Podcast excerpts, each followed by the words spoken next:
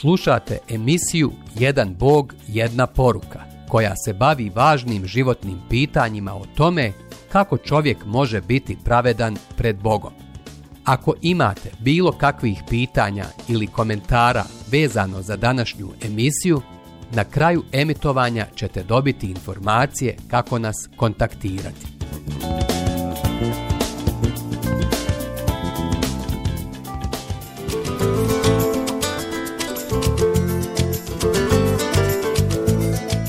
Jedan Bog, jedna poruka. 16. poglavlje Sjeme ženino Jedne hladne, maglovite noći, dva mala dječaka su upala u klizavu, duboku jamu. Mališani su bili povrijeđeni, nemoćni i preplašeni. Obojica su bila u istom položaju i nema im još dugo života ukoliko pomoć ne stigne i ne budu izvađeni iz ove grobnice. Nešto kasnije su ih otkrila trojica ljudi. Jedan od njih se užetom spustio do njih u tu mokru mračnu rupu. Uskoro su dječaci bili na sigurnom. Izbavljenje im je stiglo od ozgo. Kada su Adam i Eva sagriješili, ličili su na ovo dvoje djece. Bili su bespomoćni da urade nešto za sebe i izbave se iz gliba u koji su upali. Spas od vječne smrti je morao doći samo iz jednog pravca, izvan njih, mimo ogrijehovljenog ljudskog roda, dakle od ozgo. Ne sumnjajmo u ovo, stanje naše rase je smrtno ozbiljno i bez nade u samoiskupljenje. Tokom vijekova, bez izuzetka, svi Adamovi potomci koji su rođeni od muškaraca i žena, nasljeđivali su grešnu prirodu. Svi na svijet dolazimo pod prokledstvom grijeha. Da bi nas tako grešne izbavio od prokledstva grijeha i njegovih posljedica, Bog je odlučio da u naš svijet uvede bezgrešnog čovjeka koji će nam donijeti izbavljenje. Baš svima koji žele da izađu iz te glibave jame grijeha. A kako će to Bog uraditi? Kako se bilo ko može roditi i postati dio ljudskog roda, a ne naslijediti Adamovu ogrijehovljenu prirodu? Prvu naznaku odgovora Bog je dao istog onog dana kada je grijeh zarazio čovječanstvo. Naime, proklinjući zmiju, to jest Sotonu, Bog je rekao Neprijateljstvo ja zamećem između tebe i žene, između roda tvojeg i roda njezina. On će ti glavu satirati, a ti ćeš mu vrebati petu. Postanak, treća glava, 15. stih. Govoreći o rodu njezinom, to jest ženinom, Bog doslovno govori o ženskom sjemenu, čime naglašava da će po njoj na svijet doći muško dijete, da će taj spasiti grešnike i sasvim satrti Sotonu i svo zlo. Ovo je tek prvo od stotina proroštava koja slijede, a svako ukazuje na jedan jasno prepoznatljiv trenutak historije, kada spasitelj, Mesija, dođe na svijet. zašto njeno sjeme? Zašto je potrebno da se Mesija rodi kao ženin potomak, da potiče od nje? Zašto i Novi Zavjet naglašava da je od žene rođen? Galaćanima poslanica četvrta glava, četvrti stih. A ne i od muškarca. Evo odgovora. Spasitelj svijeta i Adamove ogrijehovljene rase dolazi izvan jame grijeha, Porijeklo mu je nebesko. Vijekovima nakon ove prve najave u Edenu, prorok Izaija je napisao Sam će vam gospodin dati znak. Evo začet će djevica i roditi sina i nadjenut će mu ime Emanuel. Knjiga proroka Izaije, sedma glava, 14. stih. Spasitelj će ući u porodicu ljudi kroz utrobu mlade djevojke – baš djevice koja nikada nije imala polni odnos s muškarcem. To je način na koji Mesija dolazi ljudskom rodu, čist od Adamove ogrijehovljenosti. Ali samo tren, reći će neko. Nisu li i žene grešne? Sve i da se Mesija rodi samo od žene, neće li biti zaražen njenom grešnošću? Nekoliko stranica dalje čućemo kako je sveti duh Božiji ostvario čudesno začeće ovog svetog djeteta ali ipak da kažemo koju riječ o nekoliko očiglednih stvari i o Božijem dizajnu za koji se odlučio. Da u svijet grešnika uvede svog bezgrešnog sina iz utrobe djevice. Stvarno, kako će se roditi bezgrešni mesija od roda i u rodu grešnih Adamovih potomaka? Nezaražen grijehom U 13. poglavlju smo naglasili da je Bog Adama pozvao na odgovornost zbog toga što je sav ljudski rod povukao u Sotonino kraljevstvo grijeha i smrti. Eva je bila prevarena, ali Adam nije. Iako se i ženska djeca rađaju s grešnom prirodom, baš kao i muška, Biblija jasno kazuje da je naša povezanost sa Adamom ono što čini da se rađamo ogrijehovljeni. U hebrejskom jeziku imenica Adam Adamah, doslovno znači crvena zemlja, jer je Bog naše tijelo oblikovao od prašine. Zato je Bog rekao Adamu nakon pada u grijeh. U znoju lica svoga kruh svoj ćeš jesti, dokle se u zemlju ne vratiš. Ta iz zemlje uzet si bio. Prah si, u prah ćeš se i vratiti. Postanak, treća glava, 19. stih. S druge strane imenica Eva znači život, jer je majka svima živima. Postanak, treća glava, 20. stih. U danu kada je grijeh provalio u naš svijet, Bog je najavio svoj plan rješavanja ove muke i darivanje vječnog života kroz ženino sjeme. Postanak, treća glava, 15. stih. Mesija će ući u tijelo od krvi i mesa, ali neće naslijediti Adamovu grijehom zaraženu krv. Ne, ostaće nezaražen grijehom. Zanimljivo je da i iz biologije danas znamo da pol djeteta određuje očevo sjeme, sperma, a ne majčino sjeme, to jest jajna ćelija. Također znamo da od časa začeća dijete u majčinoj utrobi ima nezavisan, sobstveni krvni sistem, odvojen od majčinog. Medicina nam poručuje. Placenta oblikuje jedinstvenu prepreku koja odvaja majčinu krv, ali dopušta protok hrane i kiseonika do embriona. Čak i prije stvaranja prvog čovjeka, Bog je do svake pojedinosti isplanirao Mesijin dolazak na zemlju. Sjećate li se primjera sa slomljenom granom iz 12. poglavlja? Baš poput odlomljene grane, sav je ljudski rod odlomljen, duhovno mrtav i odvojen od izvora života. Zato i da je i spasitelj grešnika rođen u istom adamovskom ogrijehovljenom duhovno mrtvom svijetu, nosio bi istu zarazu u sebi. Ali nije, ostao je neporočan, savršen. Ali kada kažemo savršen, ne mislimo da nikada nije imao grčeve kao beba, razbijeno koljeno, ogrebotine na tijelu. Ne, mislimo na savršenstvo karaktera. Tako i čitamo na jednom mjestu u Bibliji. Takav nam veliki svećenik i bijaše potreban, svet, nedužan, neokaljan, odjeljen od grešnika i uzvišeniji od nebesa. Hebrejima poslanica, sedma glava, 26. stih. Zar je onda čudno što se bezgrešni Mesija naziva drugim Adamom i posljednjim Adamom? Drugi čovjek – Tako je i pisano, prvi čovjek Adam postade živa duša, posljednji Adam duh životvorni. Ali ne bi najprije duhovno, nego naravno, pa onda duhovno. Prvi je čovjek od zemlje, zemljem, drugi čovjek s neba. Prva poslanica Korinčanima, 15. glava, od 45. do 47. stiha.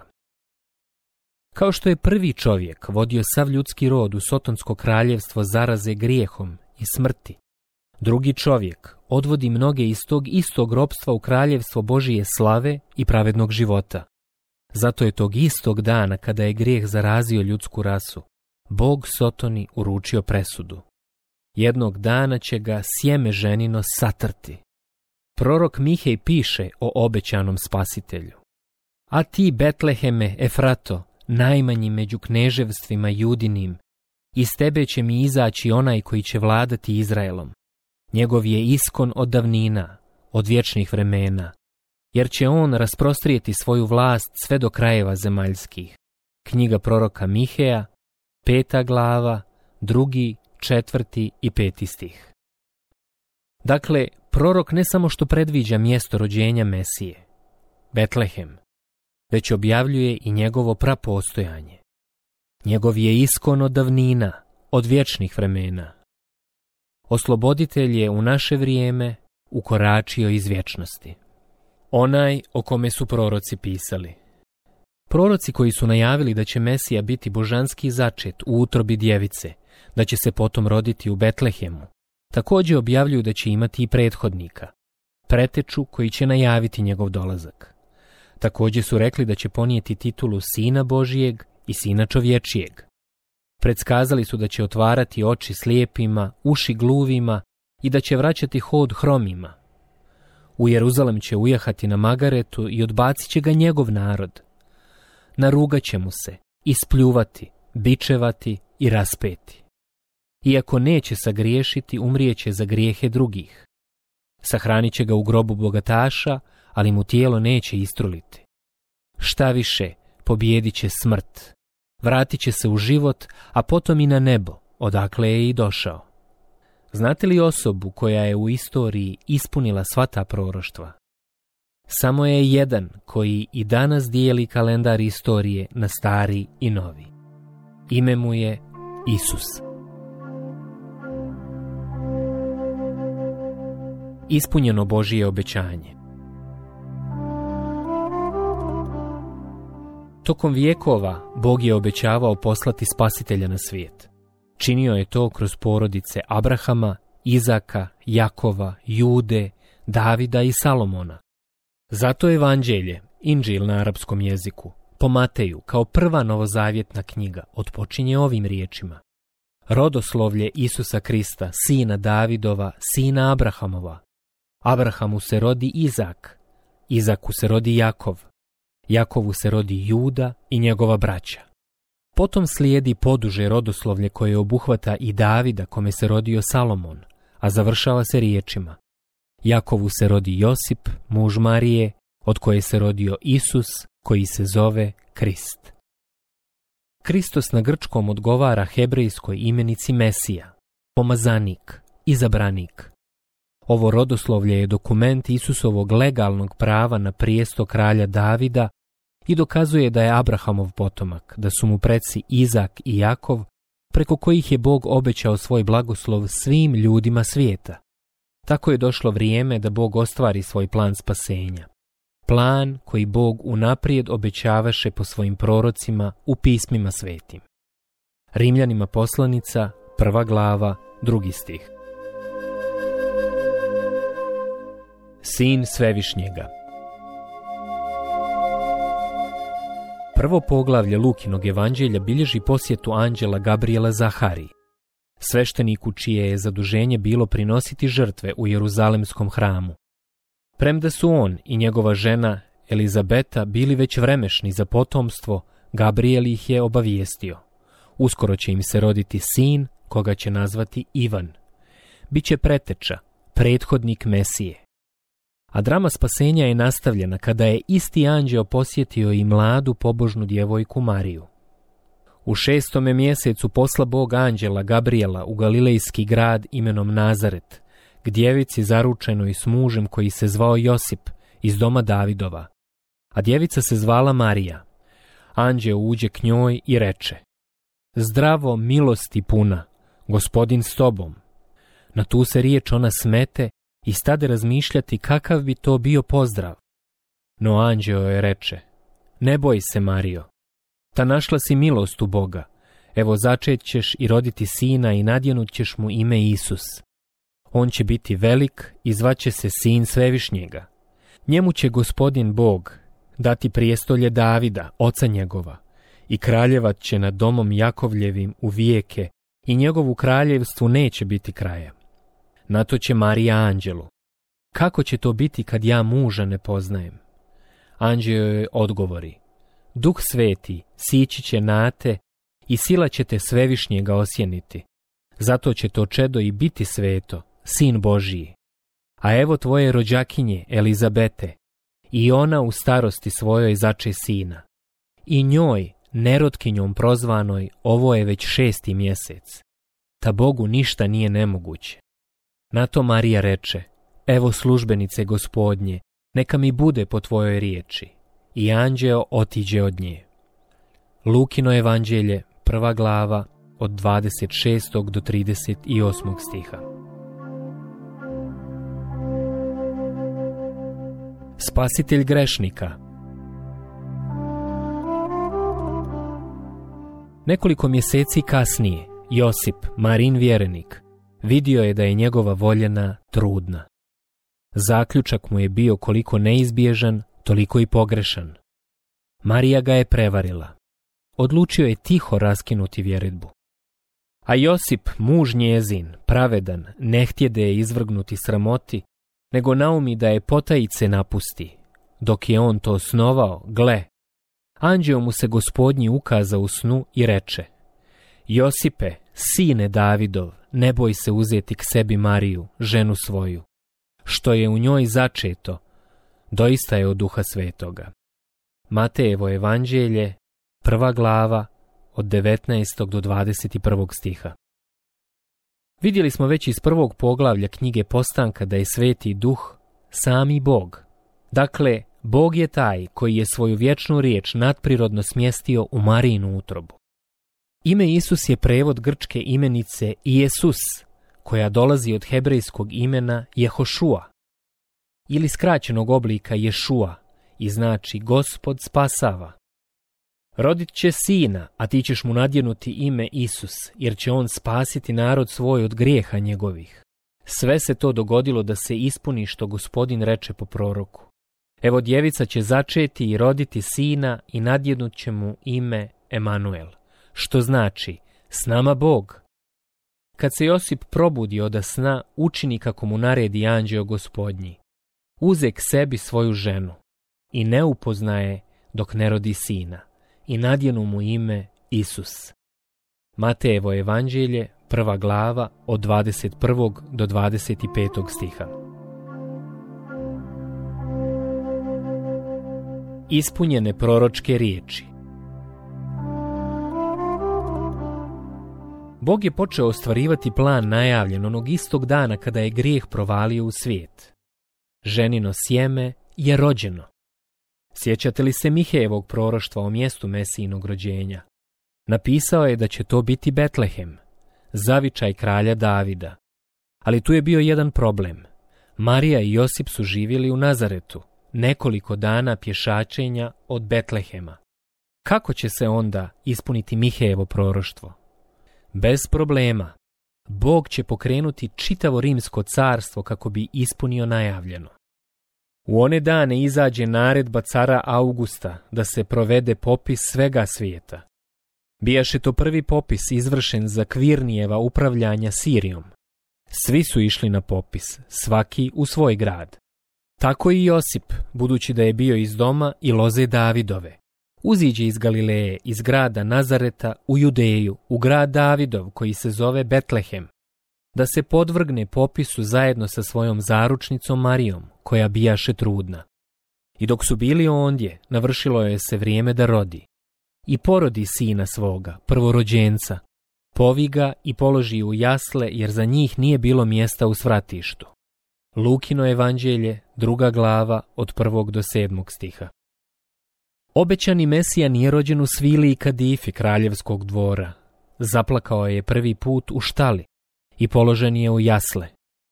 Došao je na svijet kao da je najsiromašniji od svih siromaha, da bi mu i takvi mogli prići, bez straha da će biti odbačeni.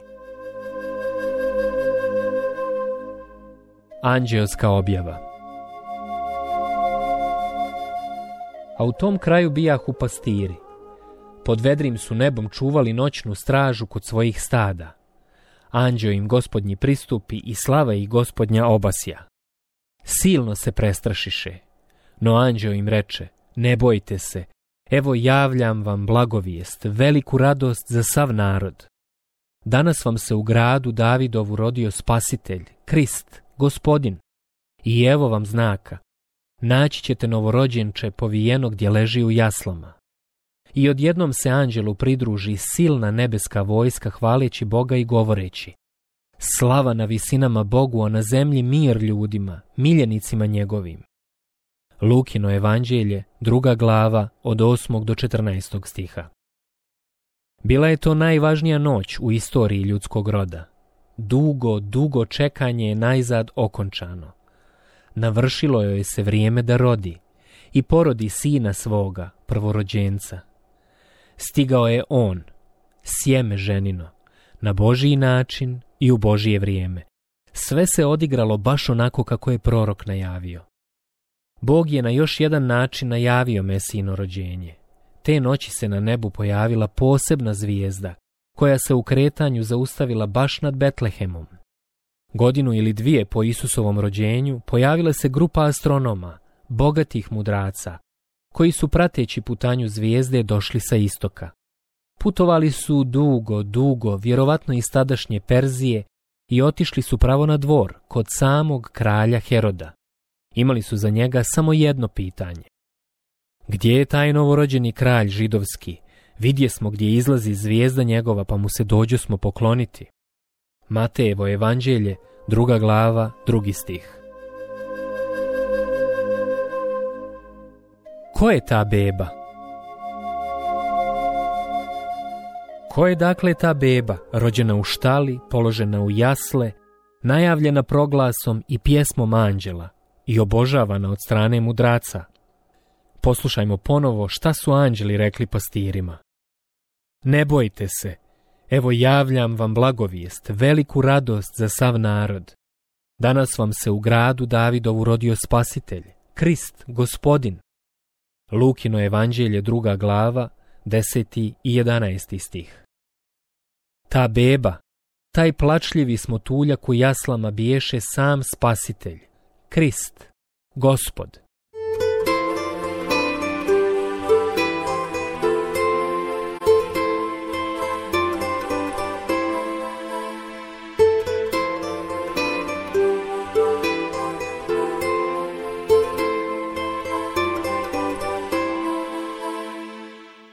Hvala vam što ste slušali današnju emisiju. Kontaktirajte nas putem našeg e-maila putpravednosti.bih at gmail.com ili putem naše Facebook stranice Put pravednosti.